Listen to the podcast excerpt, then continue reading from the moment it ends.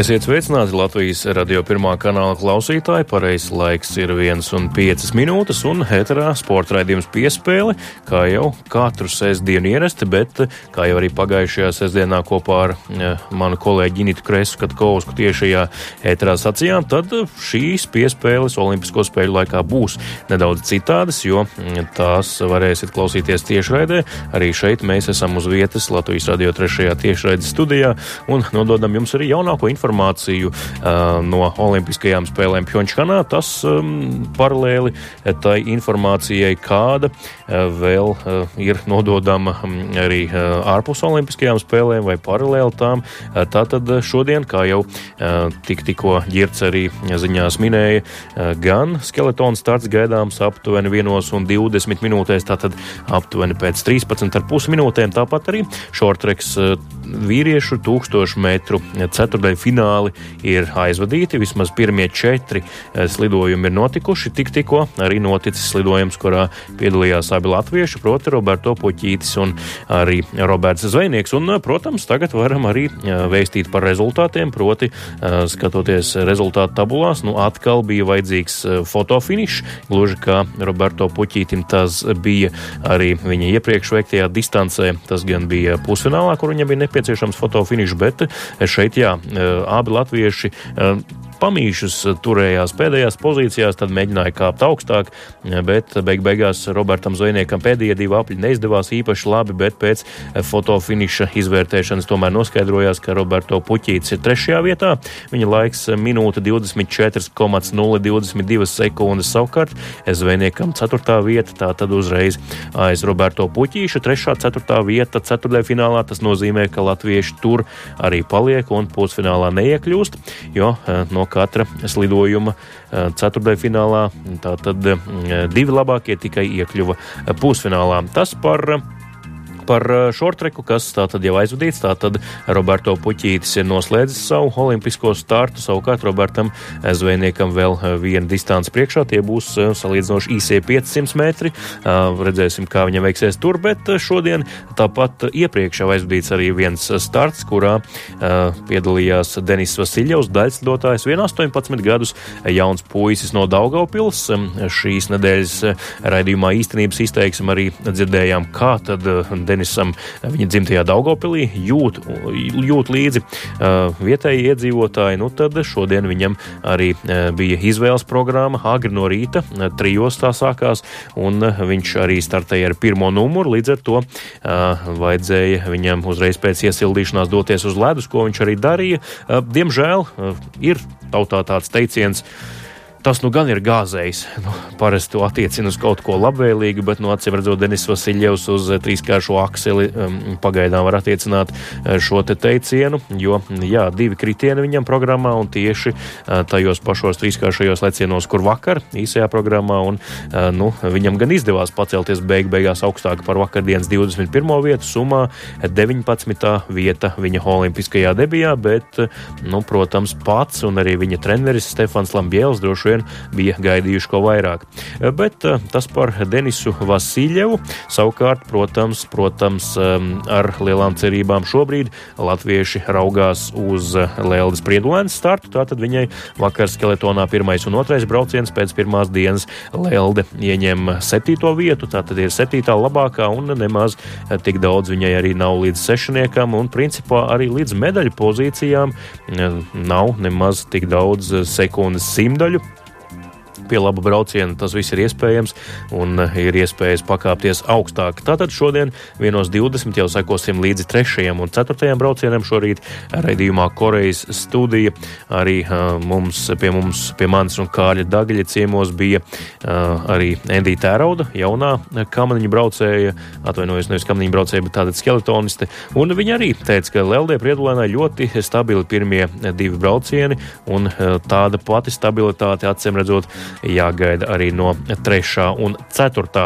Tas ledus trasē, ledus trasē šodien devās arī bobslēgs, aizvadīja pēdējos treniņu braucienus pirms gaidāmajām sacensībām divniekiem jau rītdien tās notiks. Un tur Oskars Melbārds ar stūmēju Daumātu Dreiškanu šodien trešie un piektie labākie tātad divos treniņu braucienos. Vienā treniņu braucienā trešā vieta un otrajā piektā, kas ir pietiekami labs sniegums pirms gaidāmajām divnieku sacensībām jau rītdien.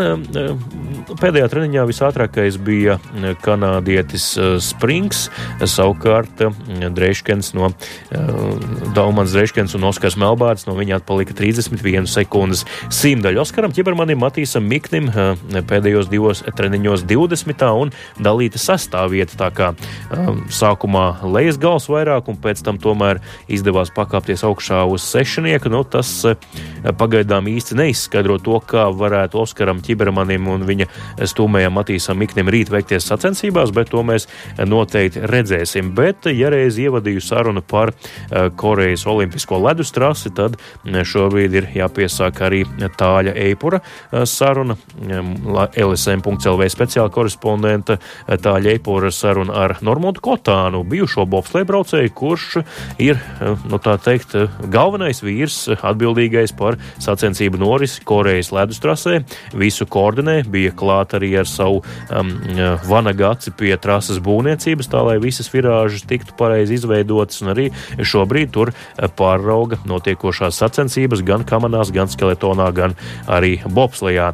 Iepazīsimies, kas tad ir Normunds Kotāns, un ar viņu mūs iepazīstinās Tāls Eipurs.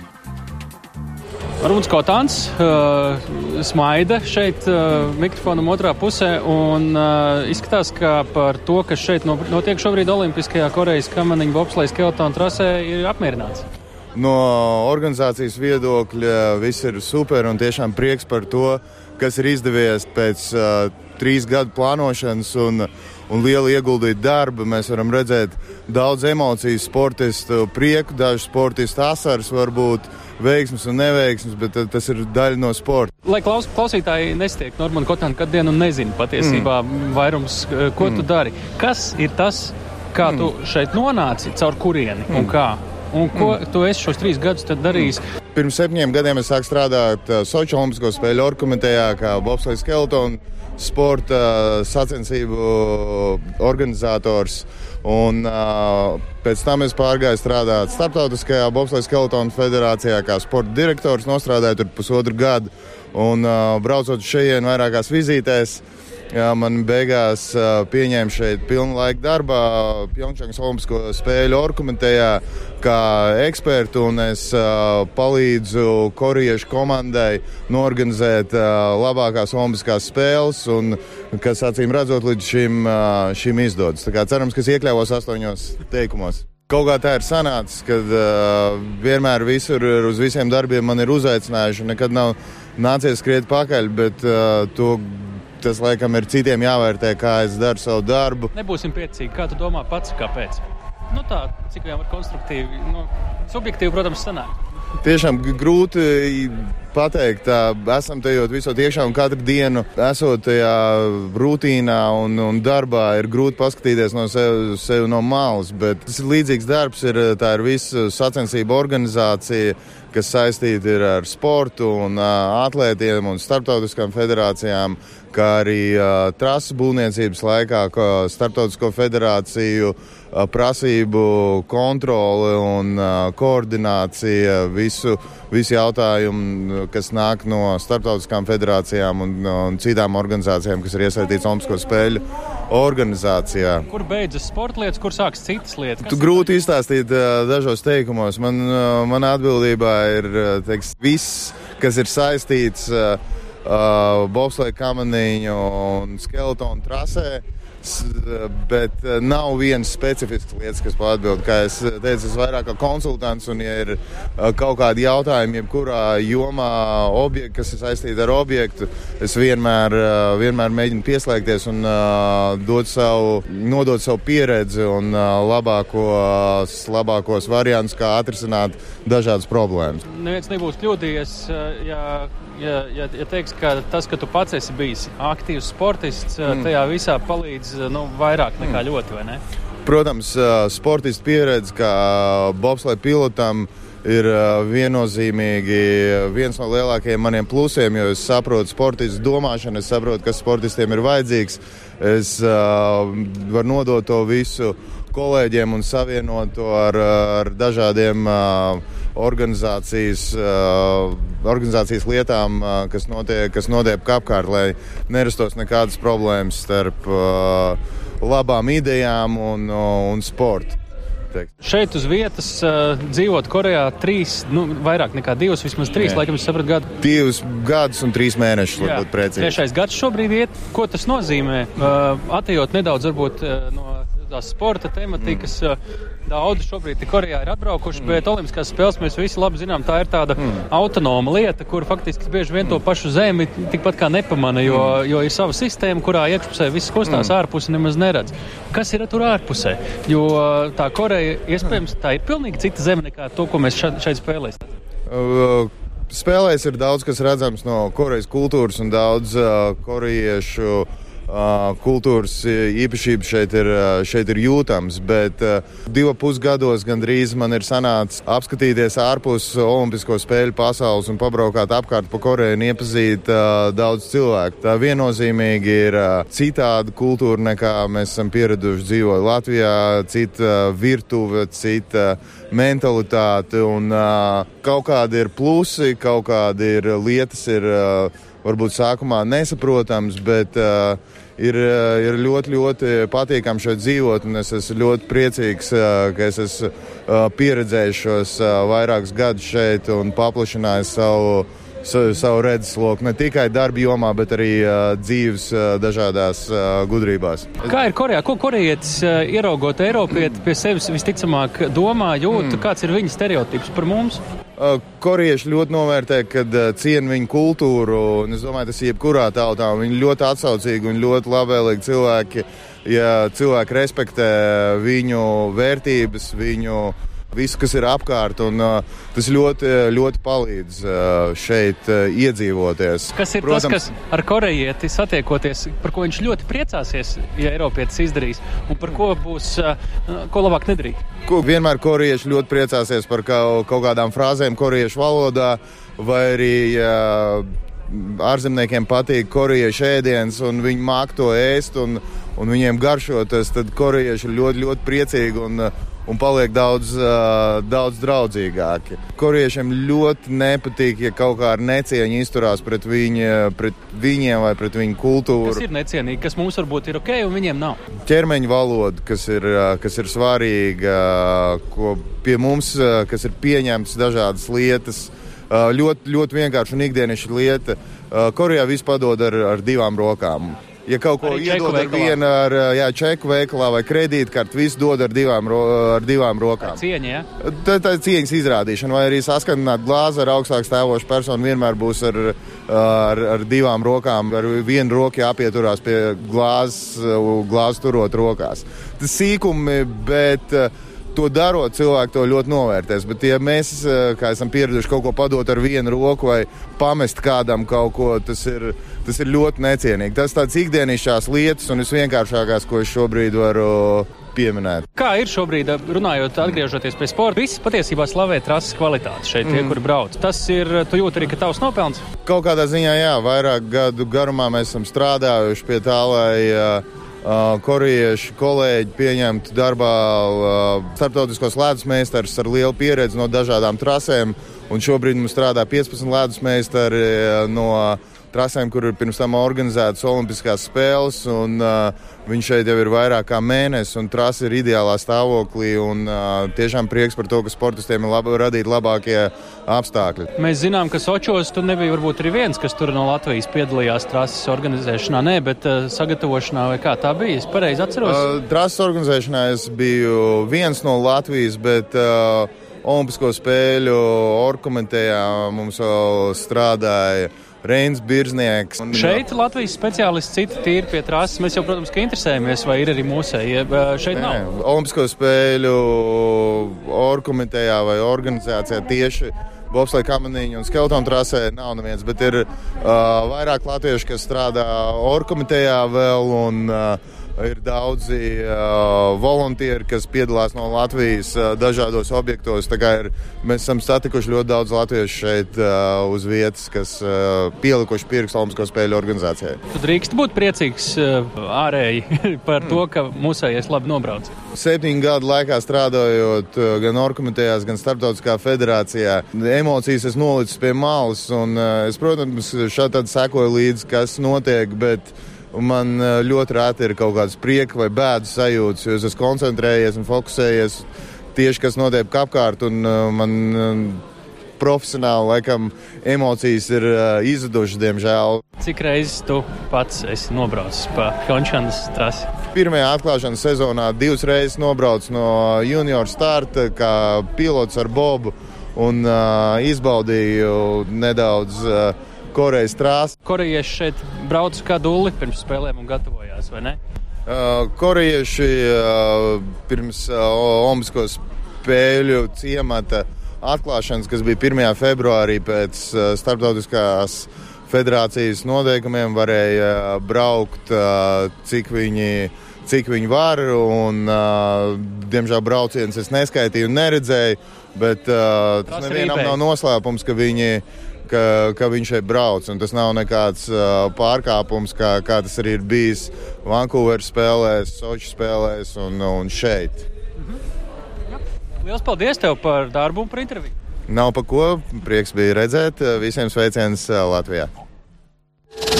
Tas ir ļoti pašsaprotami, kad Latvijas sauc, tad tur nav variantu. Tu vienmēr saki, ka jā. Es cenšos katru spēli palikt labāks, katru spēli augt. Tad, kad jau ir uh, sezonas beigas un, un starpsezona, tad tu vari palikt vēl labāks spēlētājs.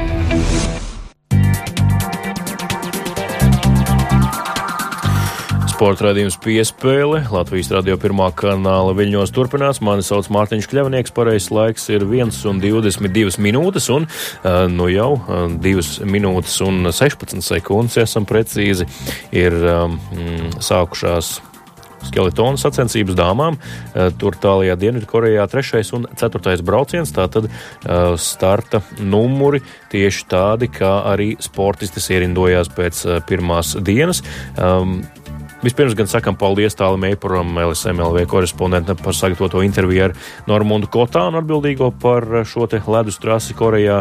Nu, un viņa modrāts, protams, pāraudzīs arī skeletonu sacensības, kuras šobrīd jau ir sākušās dāmām. Tātad ar pirmo numuru eh, startē Žaklīna Lēlinge, vāciete, kura pēc diviem braucieniem bija pirmā. Nu, un eh, Lelde Priedulēna tātad trasē dosies kā septītā, jo viņa ir septītajā vietā pēc pirmās dienas pirmajiem diviem braucieniem 45 sekundes sekundes simtaļas lēldi eh, zaudē Lēlingai. Tātad um, tik viņa atpaliek no pirmās vietas, bet no olimpiskā sešanieka tikai divas sekundes simtaļas, jo priekšā viņai ir cita vāciete Tīna Hermana. Eh, viņu, protams, ar labu braucienu var apsteigt. Tāpat arī olimpiskais trīnieks, ja mēs tā ieskatāmies, nav nemaz tik tālu um, raugoties no skeletona eh, šīm te mm, startfinišu um, sekundes simtaļām, uh, respektīvi tikai 30. 25 simtaļas. Eh, Lelda Priedulēna šķir no olimpiskā eh, goda piedestāla. Protams, par to sapņot pagaidām ir pāragri. Atgādinu, ka joprojām Latvijas labākais rezultāts ir Mārtiņa Dukura. Vakar sasniegtā 4. vieta Olimpiskajās spēlēs vīru skeletonā, tāpat arī eh, Haralda Silava 4. vieta 1500 metros ātras lidošanā. Nu, un vēl, protams, arī Tomasa Dukura skeletona 5. vieta ir otrs augstvērtīgākais rezultāts. Protams, protams mēs ceram, ka atradīsies kāds starp vēl startējošajiem, kuriem izdosies pārspēt mm, šo sasniegumu un, protams, arī uzlabot un iespējams izcīnīt arī kādu medaļu. Protams, daudz cerību gulstas uz bobslēgstiem, kā jau minēju. Tātad šodien treniņu rezultāti pietiekami labi un vieši cerības vismaz Oskara Melbāža Daumāta Dreiškana divniekam.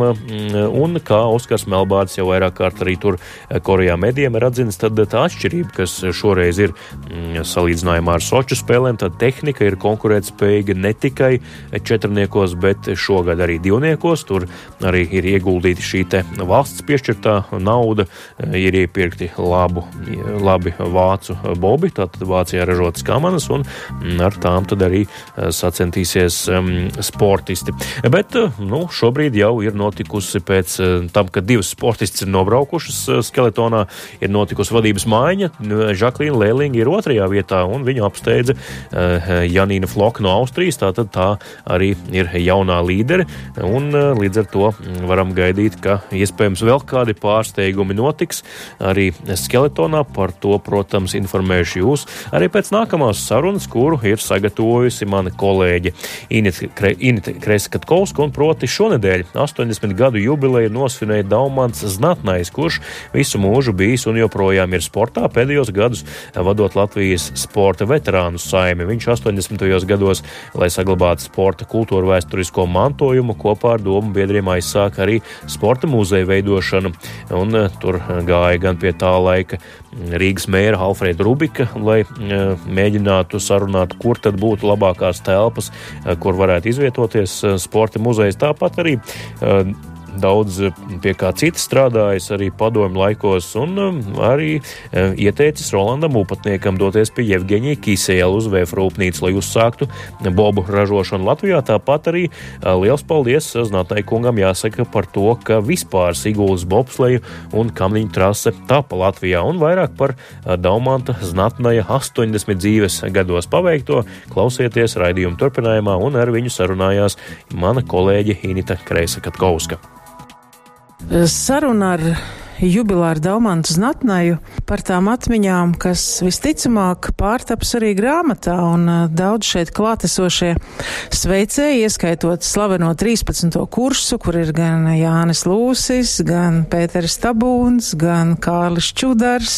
Čudars Forants un tā tālāk. Un tā Jā, tālāk. tie, kas sporta pasaulē un, un, un personībām ir pazīstami cilvēki, bet droši vien, ka būs vairāk jautājumu kontekstā ar Ziemas olimpiskajām spēlēm. Jūs pats savu savu 50. dzimšanas dienu svinējāt Kalna galā, esot PSRS bobslēja delegācijas vadītājs Olimpiskajās spēlēs Kalgarī, kad Jānis Čipurs kļuva par čempionu. Un vispirms droši vien, ka par Siguldas bobslēju un kamaniņu trasi bez jūsu atbalsta vispirms un, un ideja realizēšanas šī trasa vispār nebūtu tapusi. Jā, tas tiešām ir tā, ka Siguldas trasa nenāca viegli. Un tas bija tik sarežģīts objekts, kad daudz baidījās iesaistīties, un celtniekiem bija savas intereses, projektētājiem savas, Maskavai savas, un kādam tās bija jākoordinē. Un tāpēc man bija tā, ka gandrīz katru nedēļu es biju spiests braukt vai nu uz Maskavu, iet uz ministrs padomu toreizējo. Lai vienkārši skaņot jautājumus, jo tā bija unikāla būve, līdz ar to ļoti daudz jāme, jāmeklē ori, oriģināli risinājumi. Nu, tas bija jādara man, jo es toreiz, kā būdams kā valsts sporta komitejas priekšsēdētājs, man bija pieeja gan Latvijas valdībā, vistiešākā, gan arī PSS sporta komitejas vadībā. Un daudz bija jautājumu tādi, kas bija skaņojami savstarpēji. Un tāpēc es zinu, bez mana darba tas nenoticis. Panācām to, ka tā trase tapa. Viņi uzbūvēja, mums pēc tam izdevās viņu veiksmīgi pārņemt no PSRS, un nekas no trases nepazuda, lai gan daudz rūpnīcu, kā jūs atceraties, pazuda un iznīka. Trases saglabājām, pēc tam izdevās aizstāvēt trasi tā, ka viens otrs šeit gribēja viņu uzspridzināt, jo viņi esot par dārgu. Nu, to reizi sporta vadoņi neredzēja, ka tā trasīs, tras nesīs Latvijai daudz laba. Nu, šodien tas viss notiek. Tikai nu šodien tie, kas to reiz gribēja spridzināt, tie to ir aizmirsuši, un tagad it kā liekas par to, ka viņi to veidojuši. Trasi veidot padomu laikā ar PSS naudu no PSC sportloto. Ja tā nauda nebūtu bijusi, tad šodien tas trases nebūtu bijis. Nu, un galvenais jau, ka trasi cēla Latvijas celtnieki, projektēja Latvijas cilvēki, konkrēti rūpnīcas projekts projektēja, kas projektēja trasi, lai bez tās augstuma sistēmas jau trases nebūtu. Viņš pirms tam bija projektējis Valamijas gaisa kombinātu, viņš zināja to sistēmu, kā izdarīt. Un viņš pats stāsta, viņš, ka pēdējo nakti, kas slēdza klāt, jo tur ir pa posmiem tas augstums, jo tomēr tas, tas augstums nesējas, tas ir ļoti bīstams kā jau amonjaks un dabīgi, ka tur vajag būt visās nelaimes. Un tad viņš saka, viņš ar augstām gājām gāja pieslēdziņos posmu, kas notiks. It kā iet augstums priekš tā, atkal iet, atkal iet. Nu, un līdz rītam tā trās bija pieslēgta, un viņi darbojās. Galvenais, ka viņi projektē, tā visu, viņi tapa Latvijā, un tāpēc man ļoti šodien žēl, ka to jāizmirsuši, ka šodien kaut ko tik nepiemin Dienvidslavus un vācieši. Jā, trās bija tik sarežģīta, un tā kā radās tā ideja, ka viņi jāceļ augšā uz stabiem, nu, mans kā taču neticēja. Domāju, tā taču ir tāda stulba ideja. Bet tad Tad vienojamies ar Maskavu, ka jādod vāciešiem pārprojektēt, pārbaudīt, vai tiešām tas viss tā vajadzīgs. Un to arī tad Maskava to naudu deva, un viņa tika pārbaudīta, un vācieši apstama, ka tas tā ir vajadzīgs. Pēc tam Dienvidslāvu daļa bija tā, ka bija trasa jābūvē, un tad, kad nonāca līdz pašas trases virs kāds tās renes izbūvē, tad mūsu celtnieki konstatēja, ka viņiem nav tādu mēra instrumentu tādu, ko tik precīzi veidot šo to reni. Nu, un tad, jā, un tad vienojās, ka arī Maskava deva naudu, lai to izbūvēja. Bet tas viss kopā bija 8% no visas trases izmaksā. Nevar teikt, šodien teikt, ka 8% tie bija tie darītāji un pārējie Latvijas nebija nekas. Nu, nepareizi. Tas ir, tas atkal ir neatzīšana savu spēju.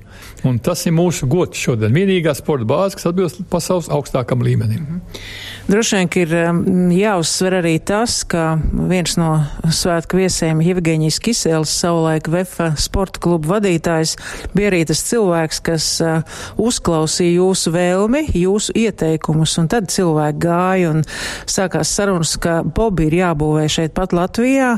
Ar šiem bobiem arī tie visi pirmie panākumi līdz tam olimpam arī tika sasniegti. Vienmēr ir patikuši stipri cilvēki. Nevienmēr viņiem viegli sarunāt, bet tikai tādi var kaut ko veidot. Un tāds bija Kisēls. Un tad, kad kad upatnieks eh, bija atbraucis no Maskavas un viņš saka, man jābūvē bobi, es iešu uz vagonu rūpnīcu, tur ir mehānisks cehs.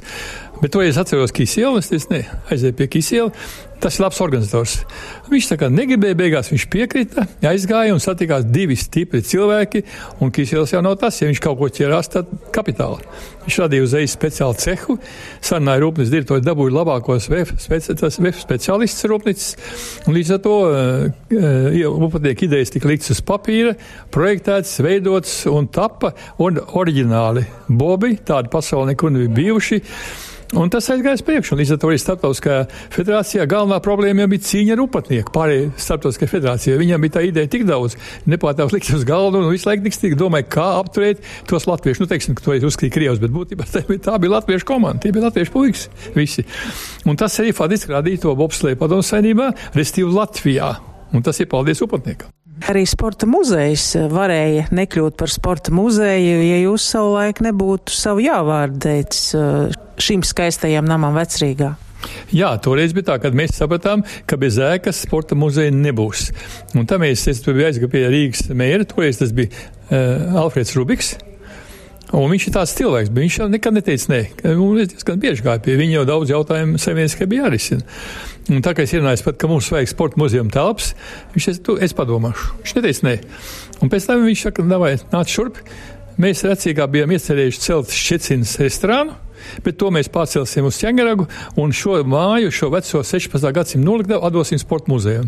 Un ne tikai mums tā deva, bet toreiz bija tāds poļu restaurācijas plāns starp padomsnēju Poliju kur apmaksāju veidot, nu, kā saka, vecīgā sen, senās celtnes. Un šajā plānā iekļauju šo noliktavu uzbūvēja, un šodien mums ir ļoti skaists sporta muzejs. Un visbeidzot jautājums par uh, tiem sporta veidiem, kas Latvijā ir jāsaglabā, ir jāuztur vai ir jāizceļ. Jums arī kā bijušajiem sporta dzīves vadītājiem noteikti šis ir mūžīgi aktuālais temats, un nekad nedrīkst kādu sporta veidu nostumt uh, uz kādu citu rēķinu, bet tomēr šis mūžīgais jautājums, ko darīt, ko atbalstīt.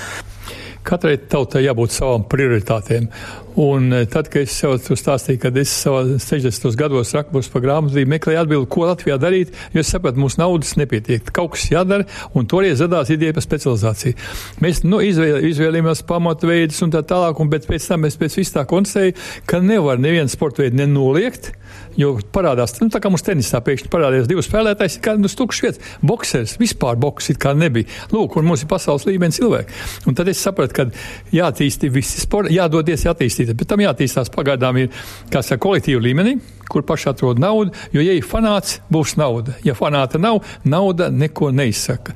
Un tad līdz zināmam līmenim tas ir jātīst sabiedrības līmenī, tātad kolektīvi, nu un tad, ja parādās tāds spilgts talants, tad tam jāpalīdz valstī. Bet tikai šajā līmenī nevis dalot, kad mūsu pamatveidi būs un nebūs. Ja tās būs, tad mēs nojauksim vesels tīpa varbūt nākošos perspektīvos talantīgos sportistus. Sevišķi tagad, kad ir pareizi tā līnija, kad labākie sportisti brauc trenēties uz ārzemēm, uz augstskolām, iemācās un brauc atpakaļ.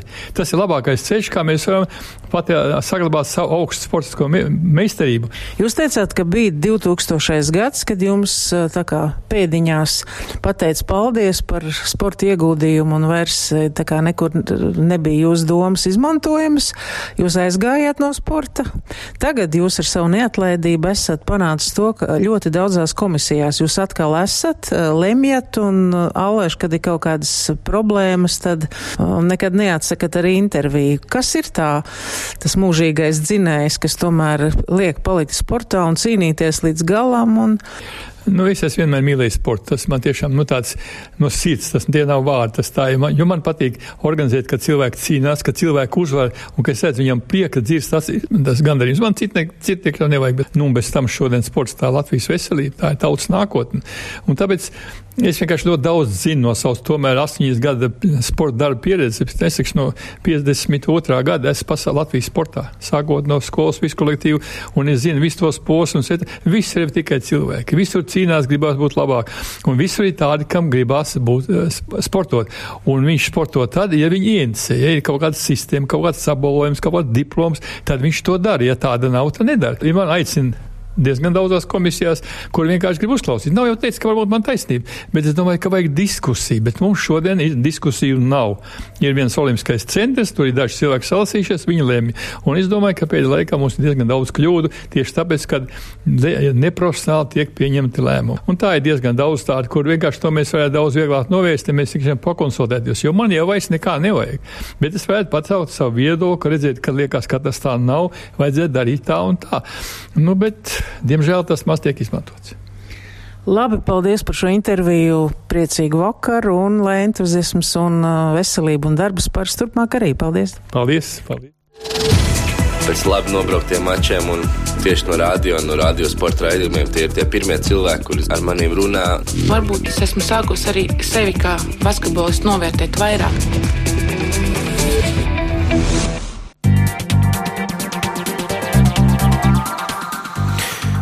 Tālūk, kolēģi Inita Kresekatkovska sarunā ar Daumantu Znatnaju, viņa 80 gadu jubilejā, tātad cilvēks, kuram mēs varam uzsist uz plecu un pateikt arī lielu paldies par to, ka Siguldā ir bobsleja un kāmniņu trāsa šobrīd, bet uh, pašlaik ir 1 un 37 minūtes pareizs laiks, tas um, dienas vidū Latvijā. Uh, savukārt Dienvidkorejā ir aptuveni pusdeviņi vakarā, un tur norisinās skeletona sacensības dāmām. Nu, tagad jau uh, deviņas uh, skeletonistas ir aizvadījušas savus trešos braucienus. Nu, un, jāsaka tā, ka ļoti interesanti braucieni, uh, ņemot vērā gan atsevišķu trešo braucienu, gan arī mm, kopējo mm, tendenci. Tad pirmajā vietā pēc trešā brauciena ir Tīna Hermana vāciete un uh, Žaklīna Lēlinga, kura bija pirmajā vietā pēc pirmajiem diviem braucieniem Ieklausieties, šobrīd ir tikai septītajā pozīcijā, un tūlītēs viņas ir Lelda Priedulēna, kur ir astotā tiesa, gan pagaidām trešo braucienu veikušas tikai deviņas sportistes. Šobrīd trasē ir desmitā, tā ir šveiciete Marina Gilardoni, vai Gilardoni, laikam precīzāk būtu jāizrunā viņas uzvārds. Savukārt, tas, kāds būs rezultāts pēc trešā un ceturtā brauciena, to mēs uzzināsim aptuveni pēc pusotras stundas, kad arī beigsies um, beigsies šis te ceturtais brauciens, bet jāsaka tā, ka Lelde eh, trešo braucienu veica bez acīm redzamām kļūdām, bet, nu, beigu beigās tomēr šo te pārsvaru salīdzinājumā ar šī brīža pirmās vietas īpašnieci sadaldēt neizdevās. Atgādināšu, ka pēc pirmajiem diviem braucieniem Lelde eh, pirmajai vietai zaudēja 45 sekundes simtdaļas, tagad jau šī atpalicība ir par 15 simtdaļām lielāka, tātad 6 desmitdaļas, jeb 60 simtdaļas. Mm, viņa atpaliek no pirmās vietas, bet bet uh, katrā gadījumā to, kādēļ trases beigās kamanas Leldē neslīd, to jau Dainis Dukurs um, jau vakar izskaidroja. Proti, kā viņš teica, lielās mammas, jeb tās, kurām svars lielāks, uh, šīs sportistes uh, līdz ar to ar sava ķermeņa svara palīdzību trases lejas daļā arī sasniedz lielāku ātrumu, tāpēc arī, arī var finišēt par vairākām sekundes simtaļām ātrāk nekā Lelda. Lelda tomēr ir nedaudz stiegraināka un varbūt netik masīvas miesas būs, līdz ar to arī šāds rezultāts. Bet ar to es arī šodien no jums atvados. Paldies, ka klausījāties. Es biju Mārt, joprojām esmu un arī palikšu Mārtiņš Kļavinieks. Šis bija sporta raidījums piespēle. Nu, un tad to, kā Lielda Eldē Priedulēnai veicās uh, skeletonā un kāda ir viņas ieņemtā vieta šajās Pjončānas ziemas olimpiskajās spēlēs, noteikti uzzināsiet jau Latvijas radio ziņu izlaidumos un arī uh, ziņu apskatā pulksten 6 vakarā. Un, protams, protams, klausieties arī uh, Korejas vakara studiju, kas 6 un 15 um, minūtēs šodien, kā jau brīvdienā, uzreiz pēc ziņu apskata un pēc tam arī rīt no rīta 8 un 7 minūtēs kārtējā Korejas studija, kur tieši runāsim gan par rītdienu gaidāmo bobsleju divniekiem, gan arī par to, kā pareizi jāsagatavo ledus trase sacensībām. Studijā būs arī viens no Siguldas trases ledus meistariem, bet ar to es arī šajā sestdienā no jums atvados. Paldies, ka klausījāties un visu labu!